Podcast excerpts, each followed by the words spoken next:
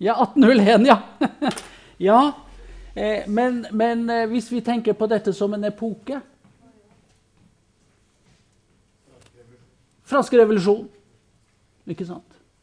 Den franske revolusjon innleder det lange århundret. Fordi at den franske revolusjon er så grunnleggende og så, så skjellsettende at den bestemmer det som kommer etterpå. Så da må vi i hvert fall si at det, det, at eh, det 19. århundre det begynner i hvert fall i 1789. ikke sant? Men nå slutter det.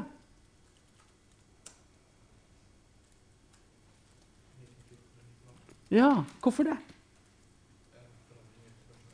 Ikke sant. Ikke sant? Første verdenskrig som den andre veldig sånn skjellsettende begivenheten som markerer, eh, som markerer endepunktet. Og som blir bes helt bestemmende for det påfølgende århundret, nemlig det 19. århundret, som på mange måter er det korte århundret. Det, det, skal vi da komme nærmere inn på, men tar vi ikke nå. Nå skal vi snakke om det lange århundret. Som altså begynner med den franske revolusjon og ender med enten begynnelsen eller slutten av første verdenskrig. Det er jo en, sma en smakssak. Eh, men poenget er at 1800-tallet fører med seg en endring av religionens stilling i samfunnet. Og eh, det som skjer, det er at det Voltaire var opptatt av, nemlig at religion eller Gud eh, må til for å sikre seg også i den sosiale orden. Eh, det, det, er et syn som eh, blir svekket. Altså kirkene, kirkene, kristendommen, mister gradvis sosial makt. Eh, og det skjer et skifte, nærmest hva vi skal si, av perspektiv. Altså fra et ovenfra-perspektiv.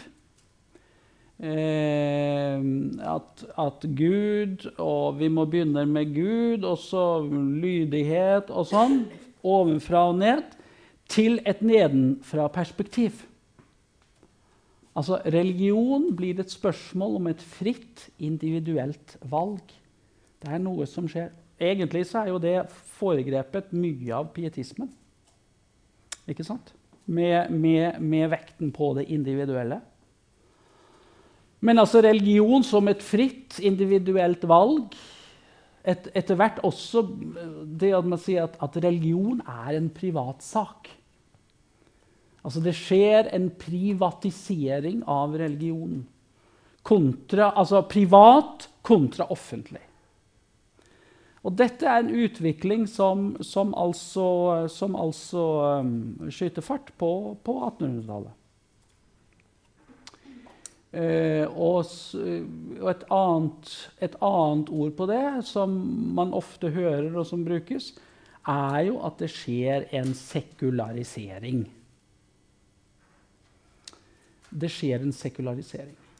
Uh, men sekulariserings Eh, teorien, eller, eh, teorien om sekularisering den har jo endret seg veldig i nyere forskning.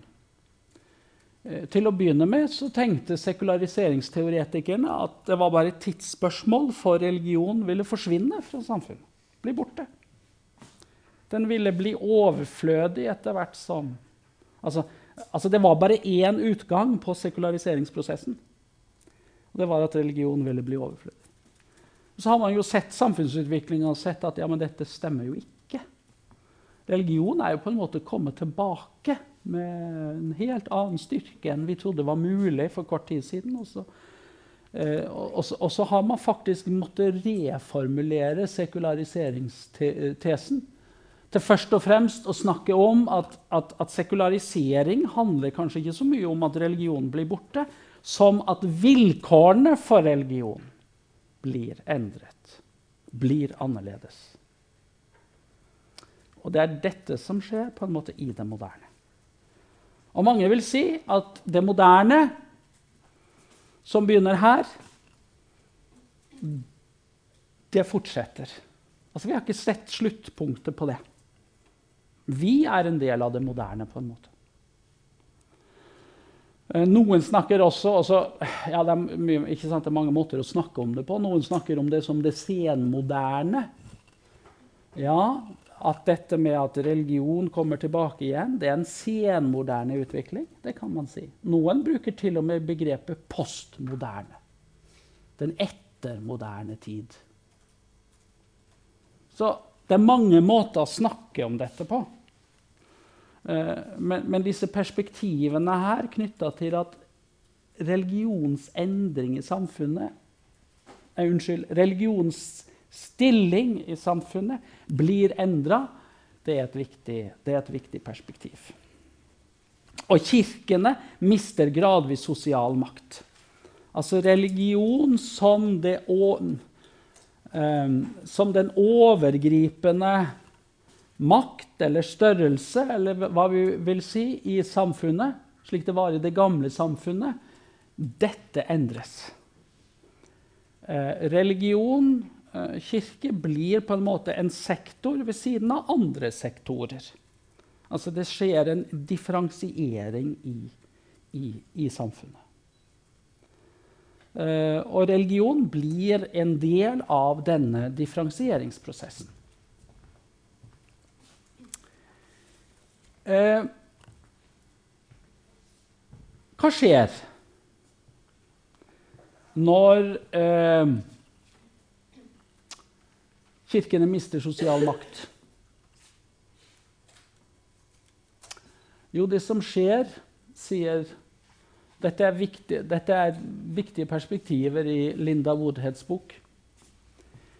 Det som skjer, det er at kirkene fortsatt uh, gjør det de kan for å sikre seg makt over enkeltmenneskene. Man er ikke, uh, man er ikke lenger en samfunnsovergripende makt. Uh, men man, man, skal, man, vil sikre seg makt over enkeltmenneskene, over enkeltmenneskers liv, moral, livsførsel osv. Eh, det skjer ikke minst gjennom omfattende eh, evangeliserings- og vekkelsesbevegelser, som vi har vært inne på, eh, på 1800-tallet. Hvor en vil vinne enkeltmenneskene for kristendommen. Og så kan man si, så har man kanskje ikke gitt opp ambisjonen, altså den, samfunns, den samfunnsmessige ambisjonen, men samfunnet skal på en måte rekristianiseres gjennom enkeltmenneskene. Men altså fokuset er på en, enkeltmennesket. Og det er jo også hva skal vi si, vekkelsesforkynnelsens fokus. også. Og, ikke sant? Evangelisering, indremisjon. Så det, altså et, det skjer også et fokus på den eh, private sfære som så å si sted for kirke og kristendom. Eh, og man binder kristendommen tettere til kvinnene og til familien. Altså, altså, ja, altså Kirken følger med, så å si, på utviklinga i retning av privatisering av religion. Eh, og, og, og, følger så å si religionens vei inn i familien som på en måte kjernestedet for religionens kjernested, så å si, i, i det moderne samfunnet. Og dette henger jo øh, i det vesentlige sammen med de store økonomiske og sosiale endringene i samfunnet som skjer gjennom industrialisering og urbanisering. Hvor vi får en manneverd, en manneverden og en kvinneverden. Veldig enkelt sagt. Uh, mennene uh, arbeider utenfor hjemmet, uh, ikke sant? lønna arbeid som arbeidere, ikke sant? Framveksten av arbeiderklassen. Mens kvinnene hører, hjem, hører, hjemme i hjemmet, i den private sfære. Og i den private sfære der har kvinnene primæransvaret for oppdragelsen av neste generasjon. Og for Kirken er jo dette selvfølgelig et nøkkelpunkt. Hvordan sikre seg på en måte innflytelse over dette. Um, ikke sant? Slik at kvinnene blir viktig i forhold til at de har primære, det primære religiøse ansvaret hjemme og for oppdragelsen av barn. Um, og etter hvert så skjer det også en endring i si, hvordan tilslutningen til Kirken skjer. Altså, uh, altså nå, nå, tegner jeg det her bildet med ganske breie streker. Det, det, skal sies. Men det som skjer, det er at kvinnene i stor grad også er de som holder oppe hva skal vi si, den religiøse aktiviteten i, til kirkesamfunnene. Det kan man se på ulike, se på ulike måter. Hvem, hvem, er de sentrale etter hvert i misjonsforeningene, f.eks.? Som hadde jo vært både kvinner og menn.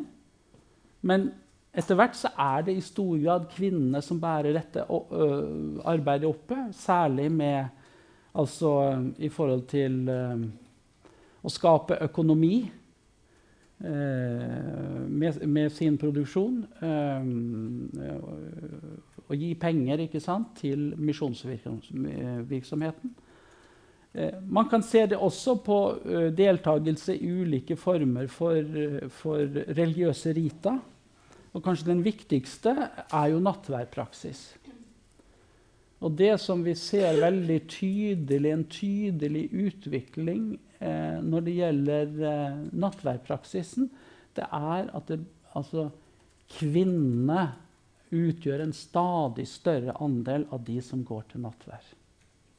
Så på en måte, altså, For å si dette veldig enkelt, så kan vi si at kvinnen, eh, mennene forlater kirken, mens kvinnene blir igjen.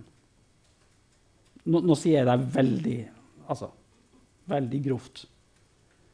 Men, men, det er en tydelig tendens eh, i den retning. Slik at det på mange måter er kvinnene som holder oppe det religiøse. Mens toppsjiktet selvfølgelig i kirken, det er menn. Så er det kvinnene som på en måte holder det oppe på, på lokalplanet.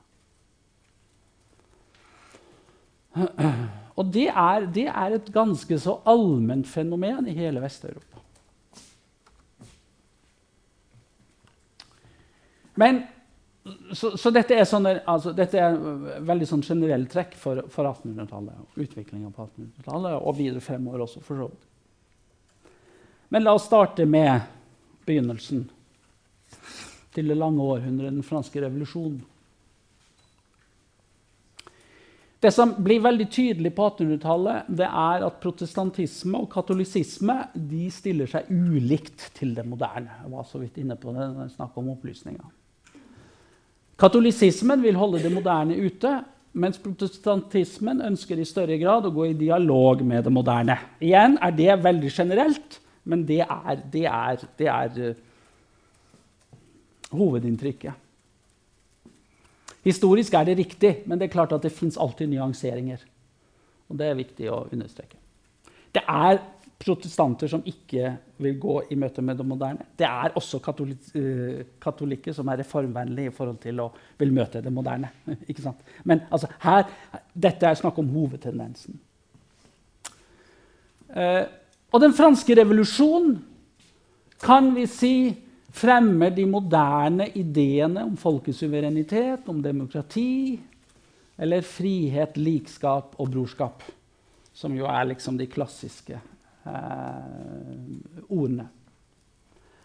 Eh, og det var noe som da med en gang kom på kant med det gamle samfunnet. Og ikke minst den rolle som Kirken hadde i det gamle samfunnet.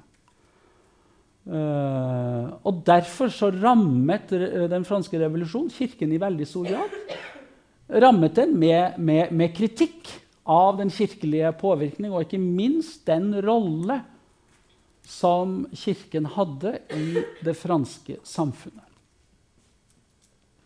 Og vi kan jo si at sekularisme egentlig vokste fram som en del av den franske revolusjonen.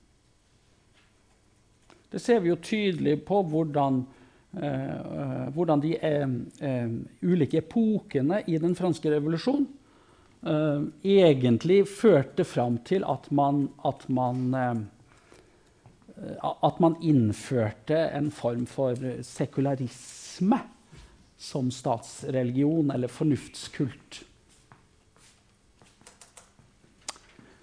Uh, og Den katolske kirke sant, var del av det bestående.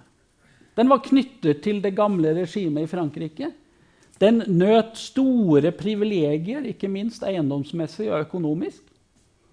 Eh, den var fritatt f.eks. fra skatt.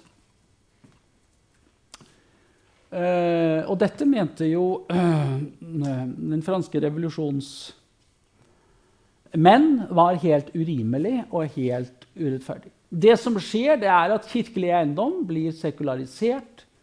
Klosteret blir oppløst. Prestene legges inn under staten, altså blir statlige embetsmenn. Og de må til og med også sverge lojalitetsed til staten. Nå skal Kirken under statlig kontroll. Vi må sikre oss uh, at vi har kontroll på denne kirken. Så det, det, er liksom den første fasen av den franske revolusjonen. Under det såkalte terrorregimet fra 1793 til 1994, som bl.a. halshugger kongen, Eh, da blir faktisk den kristne kalenderen avskaffa. Eh, ekteskapet gjort til en ren borgerlig sak. Det fins mange eksempler på at man går ut og, og, rett og slett ødelegger kirker, ramponerer kirker. Og man innfører til slutt en såkalt fornuftskult, som nærmest skulle være et alternativ, eller, eller skulle, skulle, skulle, avløse eller, ja, kristendommen. Så, så, så en veldig sånn antikirkelig uh, utvikling av den franske revolusjonen. Hva slags kristen kalender er dette snakk om? Nei, det er jo ikke en kristen kalender. Nei. Det er en kalender som, uh, som bryter totalt med de kristne. ikke sant? Hellige dager og hellige ja, Så kommer Napoleon og som da normaliserer forholdene til Kirken. Og Det gjør han gjennom et såkalt konkordat. Vet dere hva et konkordat er for noe? Nei, det, er, det en avtale som inngås mellom staten og paven, pavedømmet, eller den katolske kirke. Eh, det innebærer at Kirken reorganiseres som og I dette eh, konkordatet så blir eh, den katolske kirken i Frankrike definert som majoritetskirken for det franske folket. Det er omtrent det samme som står i den norske grunnloven at den, at den norske kirke er. I den norske grunnloven står det nemlig at Norges, Den norske kirke er Norges folkekirke, står det i den norske grunnloven. Her hos Napoleon sto det at den eh, katolske kirke er majoritetskirken for det franske folk. Men den er underordnet staten. Det er ikke Den norske kirke per i dag. Altså, det, den halter litt, den sammenligninga, men jeg håper dere skjønte hvor jeg ville. Så i 1804 så øh, ble Napoleon krona til keiser av pave Pius den syvende. Det vil si egentlig kronet av Napoleon selv, fordi idet paven skal sette krona på hodet til, eh, til, Napoleon, så tar Napoleon selv kronen fra paven og setter den på sitt hode. Eget selvbevisst mann, den godeste Napoleon. Pius den syvende kommer i et ganske kraftig motsetningsforhold etter hvert til eh, Napoleon. Eh, paven er lite fornøyd med utviklingen under Napoleon, så han ender med å ekskommunisere Napoleon, som til gjengjeld fengsler paven. Rykker inn i Roma og fengsler paven. Setter han i fangenskap. Og denne pavelige motstanden uh, mot Napoleon medvirka også til å øke eh, den pavelige prestisjen etter Napoleons fall i 1815. Ikke sant? Krigene som hersket, eh, ikke sant, Napoleonskrigen og alt, gjorde jo Napoleon til en mektig upopulær mann i Europa. Selv den svenske eh, tronarving var jo, han var jo opprinnelig altså Den senere Karl Johan eh, eh, var jo egentlig Napoleons mann. Eh, men gikk mot han og, var, og kjempa mot han i det avgjørende striden mot Napoleon. Så kom han tilbake, og så fikk han med seg Norge inn i union med Sverige. Sen, sent på høsten 1814. Ja. Uh, så, så, så, dette med at paven liksom sto opp mot Napoleon, det var viktig for pavedømmets uh, rolle etterpå. For det som skjer etter 1815 og etter at at Napoleon er beseiret, det er det at vi får en konservativ reaksjon i Europa. Eh, det gjorde seg gjeldende teologisk, eh, også innenfor protestantismen, men det gjorde seg innenfor katolsk mark. Jeg skal fortsette litt med katolisismen etter hvert, men bare si litt om utviklinga på protestantistisk mark. For det som er viktig, og som aktualiseres i, eh, på 1800-tallet og møtet med det moderne, det er at det sosiale spørsmål blir en viktig prioritet for, uh, for, for kirka. Det gjelder for så vidt både den katolske og den protestantiske, men vi ser det veldig tydelig innenfor den protestantiske kirken. Eh, hvor, vi, hvor, vi, får eh, en, en, kirkelig innsats for å svare på de sosiale utfordringene som skjer i samfunnet. Altså industrialiseringa, urbaniseringa, fører jo til, mye, til store sosiale utfordringer. Ikke minst i byene. Og en, en, en, eh, en arbeiderklasse som lever under svært vanskelige vilkår. Og Kirken ser det som sin rolle, som, som, som, del av den sosiale bevissthet, så å si, gå inn og gjøre noe for det. Og dette er jo før vi har velferdsordninger osv hvor det som må skje av, av, av sosiale tiltak, må skje jeg på å si, privat. Og kirkene går inn i dette. Uh, og, og hva skal si, et viktig navn i så en scene er jo Johan Hinrich Wichern, tysker, som uh, er sentral i forhold til å bygge opp det vi kjenner som Indremisjonen. Som hadde et viktig uh, sosialt anliggende med sin virksomhet. Den andre bevegelsen er den diakonale bevegelsen. altså De går jo inn i hverandre. Men jeg tenker først og fremst utvikling av diakonissene. Av diakoner og diakonisser. Som blir forløperne, som i realiteten blir forløperne til den moderne sykepleien. Og det er den andre greina. Og her er Theodore Fliedner et, det viktige navnet. Og, og etablerer også det i Tyskland. etablerer Eh, du har Nightingale-tradisjon også i engelsk kontekst. Så det var der også. Men, men hvor, hvor, det etableres eh, diakonisseanstalter og utdanningssteder osv. Eh, og det, altså, for igjen eh, Indremisjon altså, Wichern han lager tilsvarende at Karl Marx skrev sitt kommunistiske manifest i 1848. Um, ja, på mange måter uh, ja, Utgangspunktet for den sosialistiske bevegelsen. på mange måter, tror jeg er riktig å si. Da sier de, vi det veldig generelt. da. Men det må vi jo i disse forelesningene. Eh, så gjør Johan Hindrich Wicher noe av det samme. Han lager et protestantisk manifest. Som er et program for Indremisjonen. Og dette gjør han få måneder etter Marx sitt kommunistiske manifest. Begge deler i 1848. Og det som da er Indremisjonens prosjekt, det er å vinne tilbake de som hadde forlatt Kirken. Evangeliseringa. Vi skal evangelisere for enkeltmennesker, ikke sant, som jeg var inne på. Men i tillegg til det så skal vi arbeide for de nødlidende, for de syke, for de fattige. Vi skal drive sosialarbeid, vi skal drive diakoni for for, for, for, for de menneskene. Så det er, det er altså for Indremisjonen er det dermed, den tyske indremisjonen er det dermed dobbelt fokus. Det er både evangelisering, forkynnelse, men det er også sosialt arbeid. Så det skjer da, og, dette, og det skjer jo mange nyvinninger i denne perioden hvor man altså oppretter eh, omfattende diakonale institusjoner.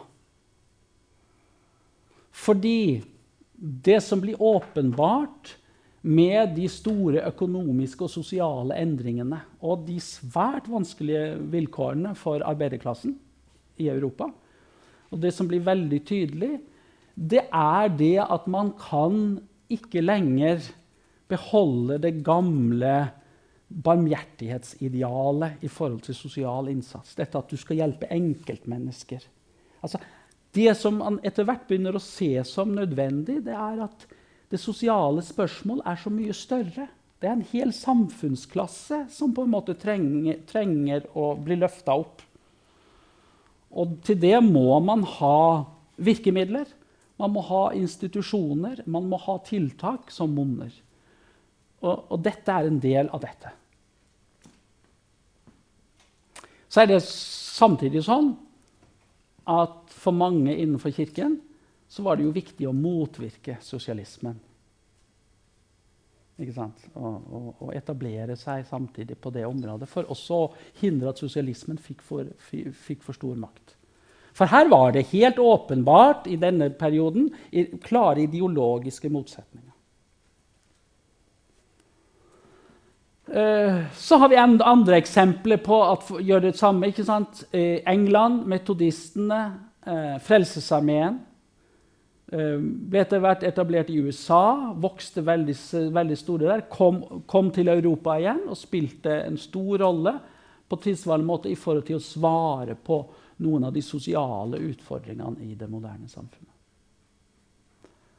Uh, og på mange måter så kan vi si altså, Det ligger jo også i dette med at man deltar i sosialt arbeid som går på et sånn, som privat frivillighetsinnsats, som sier at ja, det blir en type borgerlig sak. Altså, det er en, noe man gjør som medborger, som samfunnsborger.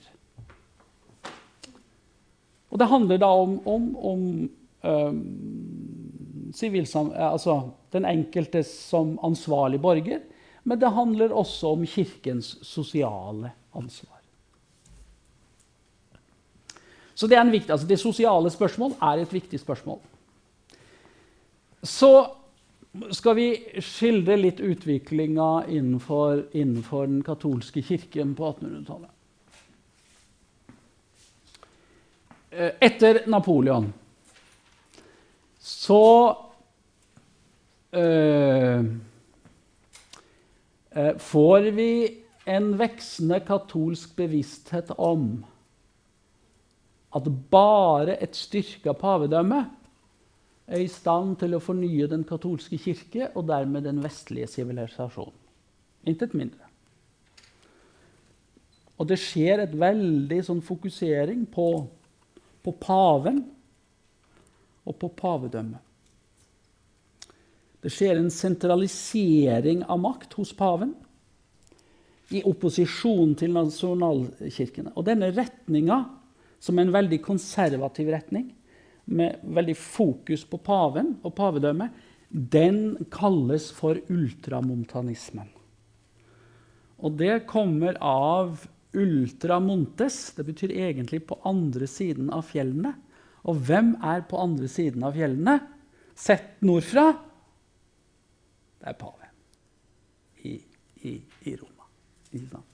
Ultramontanismen. Den bevegelsen som ser over på den andre sida, ser til paven. Og denne, denne, denne, ismen, denne bevegelsen, ultramontanismen, den er kjennetegna av en antimoderne holdning. Man, man, man, man, går snarere tilbake i tiden for å hente sine idealer. En fornyelse av middelalderens spiritualitet som tilbedelse av nattvær, det hellige Jesu hjerte og ikke minst en, en, en, en veldig oppblomstring av uh, Mariakulten og Jomfru Maria. Og tilbedelsen rundt, uh, jomfru, av Jomfru Maria. Jesu mor. Så, så, så, du kan si at lekmannsbevegelsen skjer like mye innenfor den katolske kirke innenfor dette mønstret, som det skjer innenfor protestantismen. Og det er det jeg mener med at pietismen, ikke sant, lekmannsinitiativene og lekmannsbevegelsene skjer, skjer, egentlig begge steder. Ganske sånn parallelle fenomener på mange måter. Vi må knytte, vi må knytte noen pavenavn. Altså, er, sånne pavenavn er veldig lett å glemme. ikke sant? For det er enten Pius eller Leo eller sånt. Eh, men så var det nummeret, da. Eh, men altså Pius den 9. Han, han, han, han, er en pave som ruer. Og det er fordi han satt så lenge. Han regjerte fra 1846 til 1878. Og han fokuserte på kampen mot det moderne. Mot de moderne endringene. Og han lanserte til og med et nytt dogme, som er en av de moderne dogmene, dogmedannelsen og det er dogme om Marias usmitta unnfanging fra 1854. Eller som det heter på bokmål Marias ubesmittede unnfangelse. Hva betyr det? Hva betyr Marias ubesmittede unnfangelse? Gjett.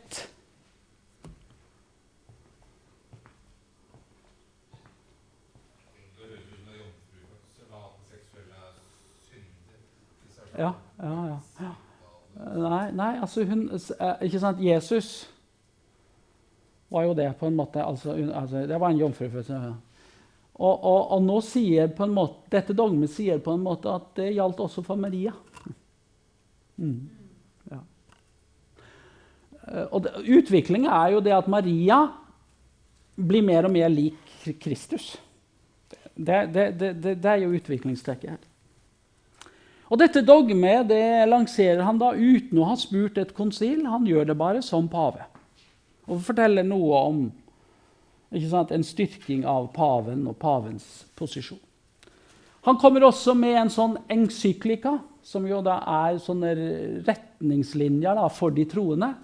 Hvor han da lister opp moderne villfarelser som han fordømmer og som de troende må holde seg unna. Der lister han opp mange ting. Liberalisme, sosialisme, frivitenskapelig forskning, presse- og, og trykkefrihet, bibelselskaper, skilsmisse, protestantisme, blant mange andre ting.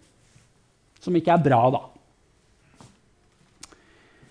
Og så øh, fører han forsetet da på øh, første Vatikankonsil fra 1869 til 1870 Eh, hvor han eh, Ikke hvor han, men hvor første, første Vatikankonsil vedtar dogme. Der kommer det andre moderne dogme, 1870. Nemlig dogme om pavens ufeilbarlighet.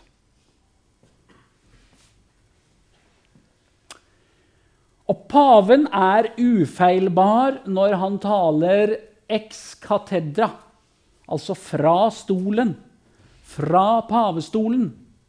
Det vil si når han utøver sitt lærerembete i spørsmål som har med tro og moral å gjøre. Og han må påberope seg at dette skjer ex cathedra. For at det skal være det. Det betyr selvfølgelig ikke at alt det paven sier, er ufeilbarlig. Det er ikke det det dogmet betyr. Men når paven uttaler seg i lærespørsmål og sier nå taler jeg ex cathedra, så er han ufeilbarlig. Så det betyr at hvis paven spør sin adjutant hva snakker om vær og vind, så er han ikke ufeilbarlig. Bare for å si det sånn. Så der har vi det andre. Dette markerer, På mange måter kan vi si at første Vatikankonsils vedtak av dogme om pavens ufeilbarlighet er på en måte et høydepunkt i ultramontanismen. Altså den retninga som fokuserer veldig på paven og pavens autoritet som den eh, samlende og hele kirkens sentralskikkelse.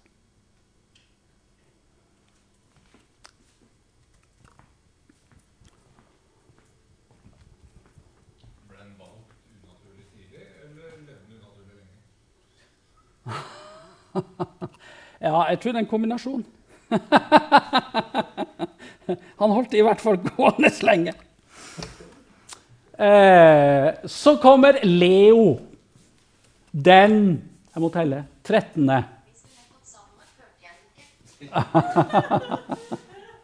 Jeg har fått en kommentar.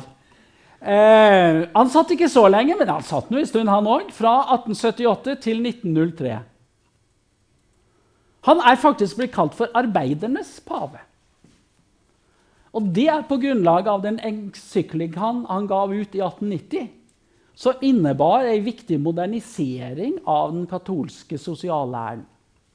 Han gikk mot sosialismen, ja. Men han var veldig opptatt av å snakke arbeidernes kår.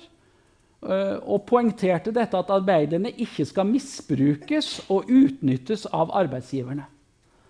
Og han sier han pålegger staten uh, å være ansvarlig for uh, det felles beste, men også å sikre nødvendige rettigheter for uh, arbeiderklassen. Og det er klart at det var, det var, spennende toner fra den katolske kirke og fra paven på denne tida, i 1890. Det er jo da vi får den aller første arbeiderlovgivning og sosiallovgivning egentlig i, i, i Europa. Og Samtidig med dette så var det også en del reformvennlige katolikker som arbeidet mot en reaksjonær kurie for å få større frihet innenfor teologien. For når det gjaldt teologien og, og, det religiøse, der var ikke mye åpning for moderne ting. Det sto helt fast. Uh, og nå får vi en ny pave Pius. Pave Pius den 9. var han vi snakka om. Nå er det pave Pius den 10. Han blir, virkelig, han blir gjerne kalt for antimodernisten. Fordi det er under hans eh, pontifikat, som det så fint heter, eh, at den såkalte antimodernisteden innføres i 1910.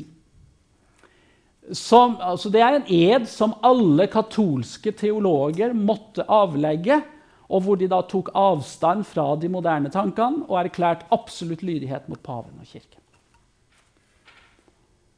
Så, så det, er, det, er, liksom hva skal vi si, det er toppunktet i den antimoderne holdningen som vi finner i den katolske kirke på 1800-tallet.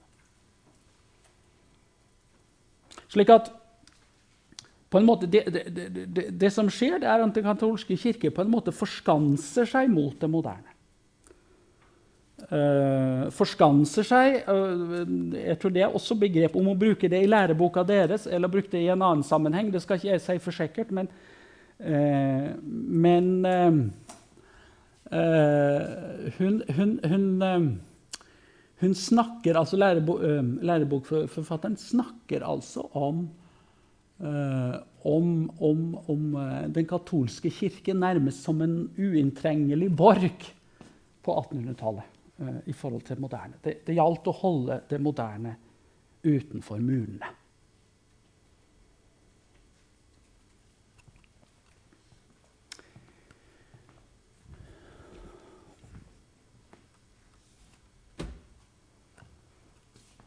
Oi, jeg ser på klokka, vet du. Er det tid? Ja. Det er klart at uh, det er mer enn Europa. Det er også Amerika, den amerikanske revolusjonen, Amerika, som jo ikke hadde noe statskirkesystem, ikke sant? og, og en, del, en, god del som kom, kom over, uh, var jo di, uh, eller frikirkelige.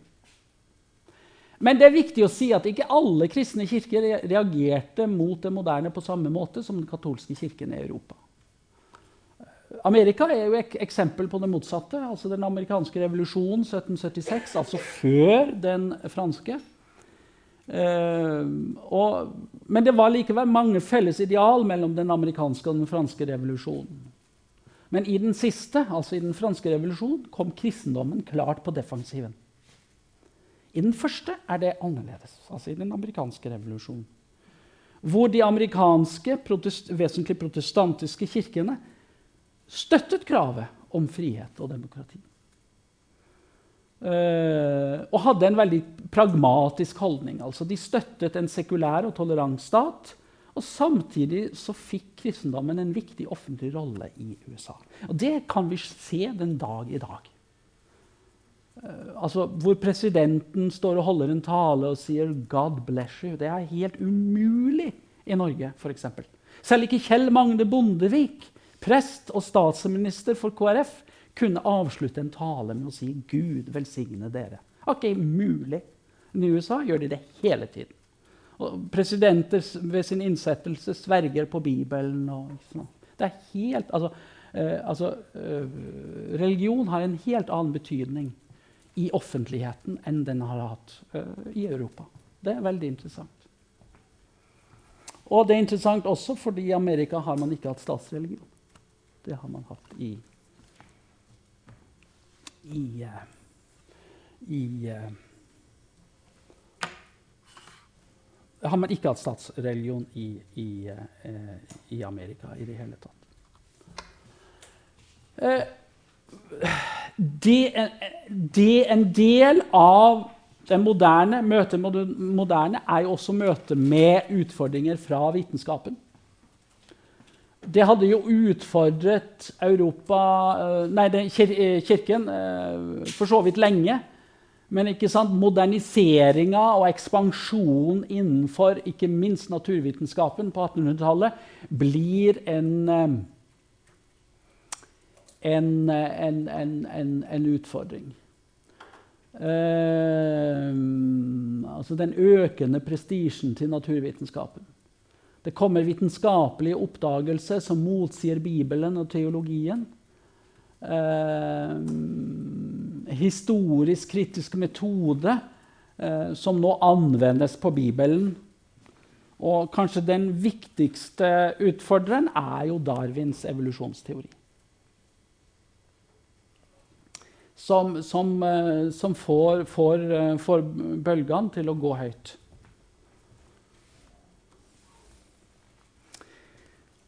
Og det vi kan, det vi kan kalle for den liberale teologi, eh, den forsøker å møte disse utfordringene ved å si at kristendommen ikke er i motsetning til vitenskapen. Og liberalteologien ønsker å godta vitenskapens resultater. Og hvor man f.eks. sier at Darwins evolusjonsteori ikke er i strid med øh, en tro på at, at, at, universet er skapt. Øh, og man sier at skapelsesfortellingen i Bibelen var myter. Så er det da samtidig konservative kristne som avviste å kompromisse med de bibelske sannhetene, og som kritiserte liberalteologien. Uh, og så får vi etter hvert eh, konservative bibelkristne som kommer på offensiven, særlig i USA, og som forsvarer kreasjonisme. Dere vet hva kreasjonisme er? Altså dette at man tror at, Bibelen, uh, nei, at, at, verden er skapt på den måten det er beskrevet i Bibelen. Som, dette som gjerne omtales som amerikansk fundamentalisme, og som har spilt en ro rolle ikke minst på 1900-tallet. Uh, og, og, og, det er klart at dette, Liberalteologien og dette det er jo vesentlig innenfor protestantismen. At, dette møter. Altså at man ønsker å møte den moderne vitenskapen. Det er strategien. Vi rekker ikke mer i dag. Sorry for det. Tida går fort. Vi uh, møtes neste gang. Uh, jeg rekker heller ikke å sette en, opp en ny dato, men jeg kommer tilbake til det neste gang. Ok? Men da ses vi neste uke. Takk for nå.